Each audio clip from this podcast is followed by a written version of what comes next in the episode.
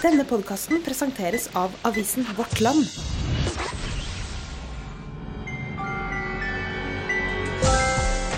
Dette er Søndagsrådet med Bjørn Sørheim Kveseth. Velkommen tilbake til Søndagsrådet etter en lang og deilig sommer som jeg tror vi alle har hatt veldig godt av. Hvis ikke du har hørt på oss før, så er dette altså en podkast hvor vi tar opp spørsmål som har kommet inn fra nettsida vår søndagsrådet.no, og prøver å finne noen gode råd og tips som innsender kan ta med seg videre. Eh, dagens panel er velkjent, flere av de iallfall, for eh, dere som har pleid å høre på. Gunhild Nogård Hermstad, prest i Den norske kirke, velkommen. Takk skal du ha. Mai Helen Høyer Jordal, eh, psykolog. Og eh, for første gang har vi en eh, mann som mange i vårt land lesere sikkert eh, har irritert seg på, eh, og kanskje applaudert innimellom. Alf Jøsund, velkommen. Jo, takk for det. Du, jeg er litt spent på deg, for du pleier å være en litt sånn Ikke kranglefant, men du har sterke meninger om ting. ja, ja, altså eh, Jeg har jo hørt mye på Søndagsrådet. Og eh, av og til så syns jeg at dere er veldig snille med hverandre, og med de som stiller spørsmål. Eh, så vi får se om vi får litt endring på det nå. Har du sterke meninger om barn og oppvekst? Mm, Jeg hadde. Men du vet, jeg har jo oppdratt fire barn, og holder på med en stesønn nå. Og gikk fra kadaverdisiplin i utgangspunktet til forhandlingsløsninger. Så, så eh, man blir kanskje litt sånn etter hvert. Så iallfall bred og lang erfaring, om ikke annet. Ja. Eh, Gunhild og Mai Helen, eh, hvordan har dere hatt i ferien? Helt topp. Helt topp, så bra. Ja. Men vi er for snille, hører dere. Alf syns vi må være litt mer konfliktsøkende. Ja, kan du prøve? Jeg er sørlending, så det faller meg ikke helt naturlig. Nei, Men, nei, eh, vi har det stort sett greit, vi. Ja. Ok, Vi skal gå i gang med første spørsmål. Det er en person som har et spørsmål om barbering. Her føler jeg kanskje at vi av og til toucher inn på folks privatliv her, men det ok. Det er en person som skriver. Burde jeg oppfordre datteren vår til å barbere seg under armene og på leggene? Hun har nylig fylt 15 og er relativt opptatt av hvordan hun tar seg ut når det kommer til klær og sminke, men akkurat hårfjerning har hun ikke oppdaget ennå. For å si det som det er, blir jeg litt flau på hennes vegne når hun går i singlet eller bikini og det stikker frem små dusker under armene. Er det helt uhørt av meg å ta det opp med henne? Og hvordan gjør jeg i så fall det på en pen måte? Nå har jeg lyst til å starte med deg, Alf. Hvordan ville du gått frem om dette var din datter? ja, altså Eller for det første, skal hun i det hele tatt ta det opp? Ja, for altså Det er klart man må jo kunne snakke om alt, men eh, foreldre er jo håpløst utdaterte og gammeldagse. Og i det, dette er jo bare et eksempel på at disse foreldrene ikke har fulgt med i eh, timen i det hele tatt. Altså det er jo tre år siden eh, Mote- og livsstilsbladene skrev om at den nye trenden var å ha hår under armene for damer. Eh, og da, da har det allerede pågått lenge i utlandet. Så hvis eh, poenget er at datteren skal følge med i tiden og gjøre det som virkelig er kult, så, så tror jeg hun må få fortsette å, å være akkurat som hun er, for det er det som er trenden nå. Og så kan vi diskutere senere om man faktisk skal følge alle mulige trender. Det er ikke så veldig mange jenter i Norge som følger den trenden. Iallfall ikke ennå. Hvordan eh, er det med dere? Jeg, tror de fleste 15 år gamle jenter kanskje ikke følger den trenden. Det er iallfall, uh, iallfall mitt eh, inntrykk. Så klart hvis, hvis dette er bevisst eh, av denne jenta, så, så, eh, så er det jo på en måte ikke noe problem. Da må man jo bare, bare la henne gjøre det. Men det kan jo være også at hun på en måte, som de sier, de har bare ikke oppdaga det ennå. Og hvis foreldrene kanskje syns det er litt kleint, så kan det jo også være at jevnaldrende også syns at dette er litt rart. Og da tenker jeg det er mye god omsorg i å ta den praten, eh, og kanskje hjelpe henne til å oppdage dette her, da. Jeg bør ikke uansett ta den praten, bare for å avklare er dette noe du gjør fordi du er kjempetrendy, sånn som Alf foreslår, eller eh, ligger du litt bakpå? Hvis, er, hvis det er at hun er kjempetrendy, så er det jo i hvert fall fa- veldig eh, trygt å ta den praten. For da er det jo liksom Ja, men da er, da er hun bevisst på det, som, eh, som Aylen sier. Eh, hvis hun ikke er det, så tenker jeg at det er Jeg tenker at den praten er god å ta uansett. For hvis hun ikke er bevisst på dette, og det er sånn i vennegjengen at dette ikke er noe greit, eh, men hun bare ikke har oppdaga det, eh, og det ikke er et bevisst valg som alle hennes venner er med på, så tenker jeg at akkurat det med hår under armene kan det faktisk være greit å si noen ting om. Eh, jeg vet ikke om jeg ville brydd meg så innmari mye om de her legger og sånne ting. Det er på en måte eh, ikke like sånn viktig i den sammenhengen hvis det er en sånn som hun ikke er bevisst på, da. Men jeg tenker litt at det der med hår under armene, det må det være lov å å spørre om er det Det går jo an å undre seg litt sammen. Ja, har du tenkt på det, liksom? tenker Men jeg. hvis, Det er hvis hun ikke har tenkt på det, da er det, altså, det er jo fantastisk. Her har vi en 15 år gammel jente som Oi sann, skal jeg barbere meg under armene? Det har jeg visst ikke tenkt på. ikke det er kjempekult? Da kan man eventuelt si til, til jenten at det kan jo være noen vil si til deg at 'hvorfor har ikke du barbert deg under armene?' Eh, og så vil hun si eh, kanskje fordi jeg har lyst, eller, eller noe sånt. Altså, det er jo fantastisk med noen som ikke er så forferdelig opptatt av oss Da, de er- andre da er det jo helt greit. Tenker Da har i hvert fall tatt, eh, tatt det valget. Det er noe med å gi henne muligheten. Man kjøper jo barbermaskin til gutter når de kommer i en liksom viss alder, og så kan de velge å bruke den eller ikke. Men liksom jenter skal man liksom ikke Nei, det, er er det skjønnhetshysteri, liksom. Men om man skal ta det opp, opp med den jenta der, hvordan går man frem? Hvordan leder man inn på en samtale som eh, Jeg syns det var det Alf sa nå, om at liksom Ja, har du tenkt på det?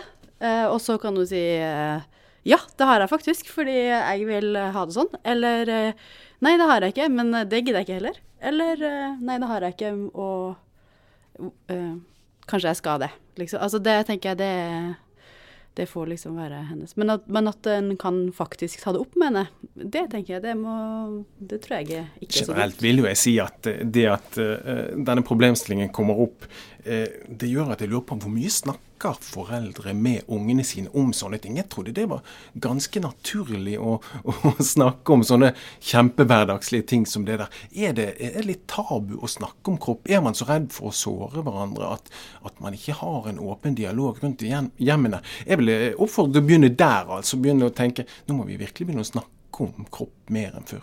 Men skal man snakke om kropp på den måten, som går på det estetiske, på en måte? Det, altså, det tror jeg man, jeg mener man kan snakke om alt. Er- Ungdom er jo veldig opptatt av estetikk. Men kanskje man heller burde tenke at eh, eh, vi kan altså Det er veldig mange temaer man kan komme inn på på en indirekte måte. altså Man kan snakke om det bildet som var i det bladet den og den dagen. Hvis man er opptatt av det som skjer, så, så er det utallige muligheter til å ta opp sånne temaer. Jeg tror vi avslutter eh, hårdebatten eh, med det. Eh, hvis vi skal oppsummere, så må vi eh, si til deg, kjære innsender, at eh, vi syns at eh, dere skal ta en prat om dette. Prøve å gjøre det på en naturlig måte. Eh, det kan godt være at denne dattera de syns det er helt greit å ha hår under armene, men eh, dere kan iallfall ta en prat bare for å avklare om dette er noe bevisst på eller ikke. Og så er det som Alf sier her, at eh, dere bør kanskje snakke om alle ting som har med kropp å gjøre, og ha et åpent forhold om, om disse tingene. Det andre spørsmålet det handler om søskenkrangel. Opp med hånd, alle som uh, har krangla med et søsken. Gunhild var rask her, Mai Helen litt usikker. Vi krangler ikke på Sørlandet. Nei, vi krangler ikke på Sørlandet. det sant det. Det skjer i Trøndelag, ja. Det er en person som skriver da. Vi har to gutter i slutten av tenårene som krangler noe så inn i hampen.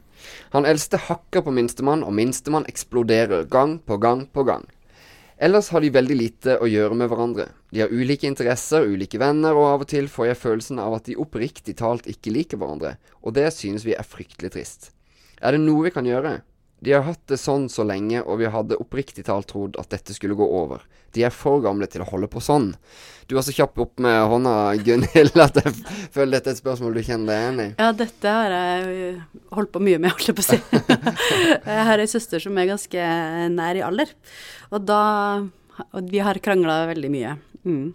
Eh, og så har jeg to brødre som er yngre enn meg. Og han eh, eldste han av de, han er ganske stor og sterk og har alltid vært litt sånn uh, en sterk uh, fyr. Hans andre, han er liksom bygd på eh, 50% av den forma, tror jeg. Altså han har vært en liten spjæling i hele sin oppvekst. Håper han hører på nå. Og de har Ja, ja, ja. Dette, dette tror jeg de vet Dette godt, vet begge, vet, vet de godt, begge to. Og han eldste, han moste han yngste. Hele min barndom så moste de og, og sloss, liksom. Most som fysisk. Fysisk, altså virkelig. De, de, de sloss ganske mye. Og jeg var sånn storesøster og fornuftig og veldig bekymra. Uh, tenkte liksom i alle dager, åssen går dette, på en måte. Um, når får den hjernerystelse? Nei, altså, det var ikke riktig så galt. Mm, men det var ikke så langt unna. Men de, eh, etter hvert som de ble eldre og eldre, de nå er det jo i, godt opp i 20-åra begge to, og når de møtes, så kan de nesten liksom begynne å småslåss litt grann fortsatt. Og så er det nesten en måte å være sammen på, å være i kontakt med hverandre på, vise at de bryr seg. Eh, og de er utrolig glad i hverandre, eh, og bryr seg veldig om hverandre. Eh, så jeg tenker liksom at det der med at de, at de slåss eller krangler eller sånne ting, det er ikke nødvendigvis liksom Det er, en, det er også en måte å bryne seg på hverandre på. Eh, men det som på en måte jeg eh, hang meg mer opp i, var om de oppriktig liker hverandre. Eh, jeg tenker, Er det noen ting det er mulig å få tak på? Om de egentlig egentlig liksom Hvordan tenker de om hverandre? Har de liksom på et eller annet sted respekt for den andre og tenker at OK, du er du og meg er meg, sånn som man skal for alle mennesker. Men det er ikke så farlig for den fysiske brytinga og litt sånn krangling og sånn. Nei, psykologen her sitter og nikker. Hva tenker du om dette, May-Helen? Nei, altså jeg tenker jo eh, kanskje Eller det første jeg tenkte, var at dette er, det er liksom to sider av dette her. da, for du, På den ene siden så kan du tenke på at dette er, eh, dette er to søsken som ikke er venner. Og det, det er ikke sikkert man skal liksom tvinge de til å være venner. Det er ikke sikkert man får gjort noe med det, selv om det kanskje er veldig trist for foreldrene. Kanskje, ikke de, er, kanskje de rett og slett ikke liker hverandre. De er så ulike at akkurat nå så er det ikke naturlig at de skal være venner. Men så, samtidig så er det jo da to tenåringer som er eh, altså litt gått opp, altså i slutten av tenåra. Så de er på en måte så store at man kan også forvente at de skal eh, behandle hverandre med litt respekt. da. Så jeg tenker at eh, om ikke de liksom er brødre som er bestevenner, så kan de kanskje klare å være to voksne mennesker som finner en måte å bo under samme tak på, da. Hvordan skal du få til det? Ja, altså Jeg tenker at eh, vi må analysere opplysningene litt grundigere her. Vi, det, er jo ikke så, det er ikke så mye vi får vite. Men, men altså her, her, her, får vi høre at han eldste hakker på minstemann. Og det skjer gang på gang på gang. Snakker vi Altså, vi må i hvert fall stille spørsmålet.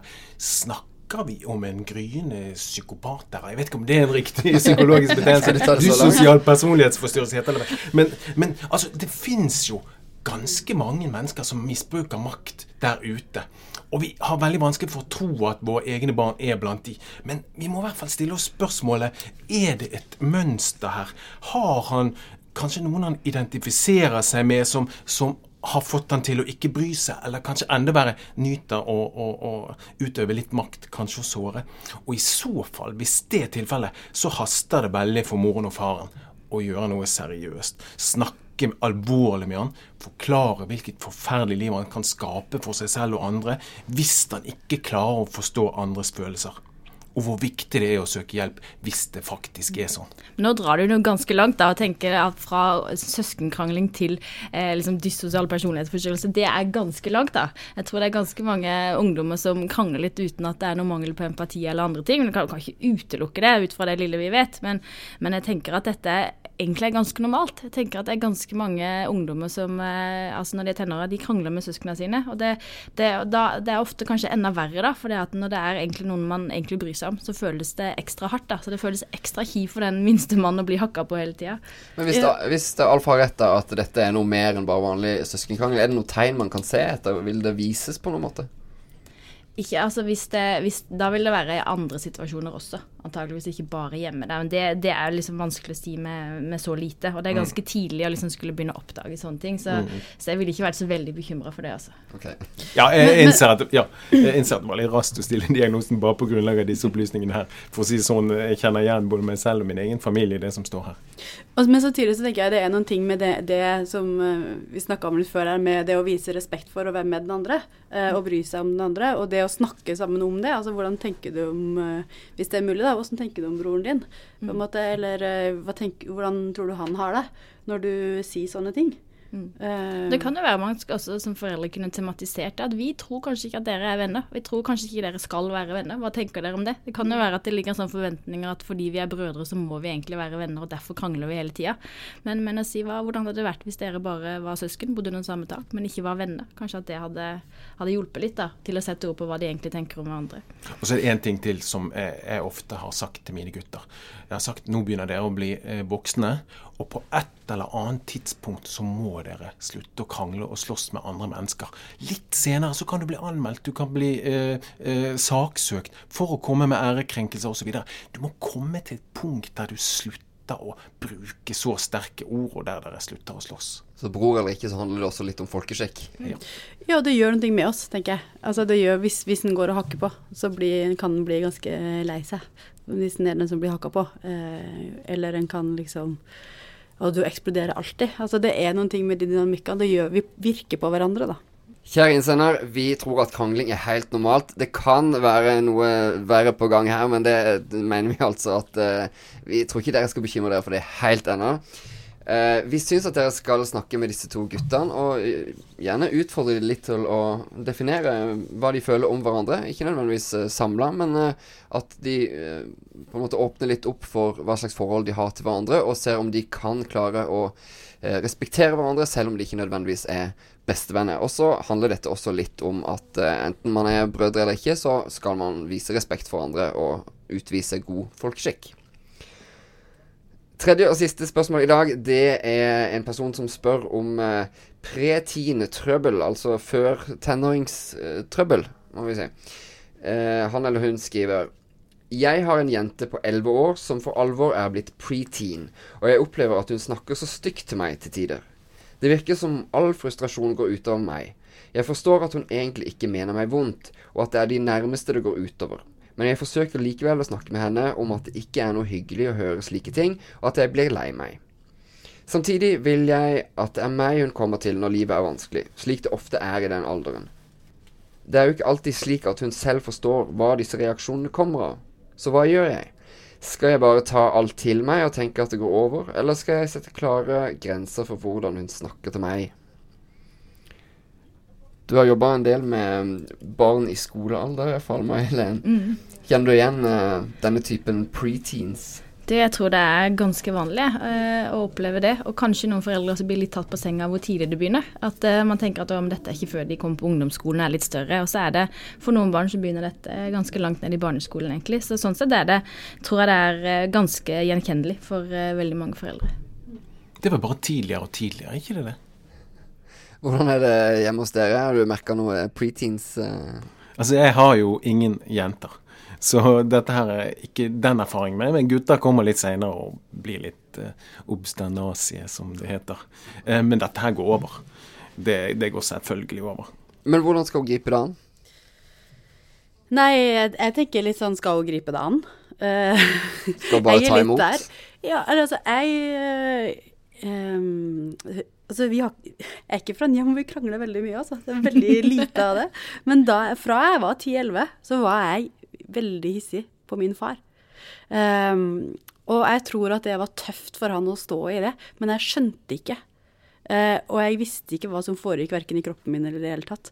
Men jeg husker at det var lov Det var, det var noe sånn der du, du, kan si at du, er, at du, er, teit, men ikke at du er idiot. Eller liksom sånn. Jeg hadde noen sånne regler på, på, ting det var som Det kan du Altså, hvis du skal respektere meg, så kan du ikke snakke sånn og sånn. Så han satte uh, noen regler for deg, da? Ja, men det var, det var, på en måte på det ordnivået, liksom. Det var ikke så mye mer enn det. Uh, men jeg hadde et virkelig behov for å få et eller annet ut, og det holdt på ganske lenge.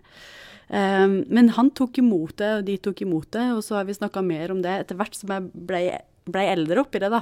For én ting er liksom når du er 10 og 11 i startfarten, men når du liksom blir eldre, så kan OK, ja, men det jeg sier, litt som vi var inne på i stad, det du sier, gjør noe med den andre, da.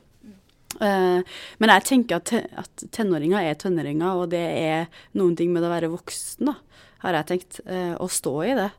Uh, Denne foreldren spør jo sant, skal, jeg, skal jeg bare ta det uh, bare ta all tid, men jeg tenker at det går over, eller skal jeg gjøre noe? Det er ikke sikkert at, uh, at det er liksom enten eller her. da. Kanskje man kan finne en, en kombinasjon av disse tingene. At det, det, er noe man bare må tåle fordi man er tenåringsforeldre. Og så kan man kanskje sette, sette liksom noen grenser for noen ting, f.eks. Og så er det jo sånn at selv om, selv om man sier og gjør ting som, som, ikke er greit, så er det ikke sikkert man trenger å ta den liksom fighten akkurat der og da. da. Jeg tenker at mange ting bør man heller ta i fredstid, men akkurat idet det eksploderer, så er det kanskje ikke akkurat tida til å skulle ta den fornuftige praten om hvordan du oppfører deg akkurat nå, da, det er ikke, det er ikke hjernen mottakelig for i en sånn situasjon. Eh, så, og det, det, er frustrerende tid, dette. Gjerne under ombygging, det er så mange ting som skjer, da. Så, så man må også liksom tenke hva er det som skjer, hva er det som skjer i tenåra, og tilpasse litt etter det som foreldre. Da. Ja, hva er det som skjer i tenårene som gjør at barn blir så Nei, det er jo sant, at hjernen utvikler seg veldig mye og veldig fort, eh, og særlig de delene av hjernen som har med å, med, med å tenke logisk og, og kunne forutse ting planlegge. Litt i sånn, litt i sånn høyreordensfunksjonene. Altså litt det, det, å gå fra barn til voksen handler mye om det, da. Og det skjer masse i hjernen samtidig da. Samtidig som, som det er masse hormoner og masse følelser som bare fyker litt løs, da. Og det området som på en måte skal hjernen som skal ivareta og liksom styre dette her, da, det er under rekonstruksjon, på en måte. Sånn at det, det blir for mye. Det blir liksom overload av følelser. da. Og da klarer ikke ungdommen selv der og da, i en situasjon hvor de er liksom veldig aktiverte, hvor det er kanskje høyt konfliktnivå, så klarer ikke hjernen å liksom bare tenke logisk og tenke klart. Eh, altså, Jeg tenker automatisk at dette her er en jente, og moren hennes. Eh, er det sannsynlig? Du nevnte at du kranglet med faren din, Gunhild. Ja. ja for, uh, uansett, hun ber jo, jeg kaller henne hun, hun ber jo om konkrete eh, råd til hva hun skal gjøre. Og der har jeg tenkt at det er jo to måter å møte sånne ting på. Det ene er den, den liksom objektive oppdragerrollen, som var mitt ideal i, i, i min ungdom. Den der litt sånn upåvirkede 'Dette her går helt fint', eh, og så forklare barnet mitt at 'Men for deg selv så er det best at du oppfører deg sånn og sånn', men altså, jeg er en vegg som er helt uvirkelig. Nei, upåvirkelig. Eh, den andre måten, som jeg har på en måte begynt å liksom gå litt i retning av nå, det er å faktisk vise at jeg ble lei meg, jeg ble såret av at du sier så stygge ting til meg. Sånn at eh, barnet får en opplevelse av at det å si stygge ting til andre, det, det får faktisk konsekvenser. Men så må jeg si en ting til. Og det er, at, det er jo en kjent sak at foreldre er jo forferdelig egenrettferdige. De tenker at nå er datteren min dum, og det går utover meg.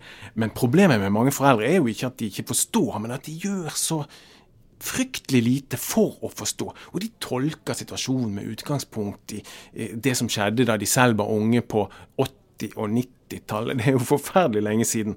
Eh, men det er jo veldig lite som er likt sånn ytre sett. Klærne er forskjellige, kroppsidealene, venninnene er opptatt av andre ting. Så, så jeg vil nesten sagt, kjære mor, prøv å sette inn i situasjonen enda litt bedre, sånn at du kan gi eh, skikkelig respons på eh, problemet som barn Det er jo litt sånn, der, litt sånn avvæpnende også. Jeg tenker Det kan være sånn nyttig råd å si at man skal huske å lytte før de begynner å løse. Jeg tenker Vi er så veldig løsningsfokuserte veldig fort og syns at ungdommen er så veldig urimelig. da.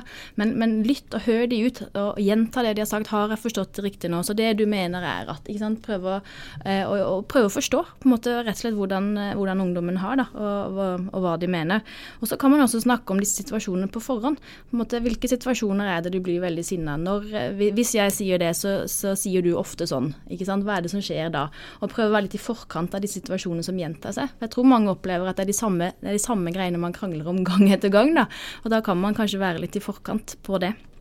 Og så tenker jeg at det, Men det er ikke så lett alltid å, å forstå når, når, alt er, når følelsene og hormonene er der, og liksom huet er bare alle veier. Så jeg tenker det er jo utfordrende for, for denne jenta, da. At mm. Det er ikke alltid Jeg tror òg at det er godt å liksom snakke om dette med liksom, hvordan får vi tak i det, eh, eller hvordan, hva er det egentlig som skjer, vet du det? Men, men det er ikke alltid så lett å vite.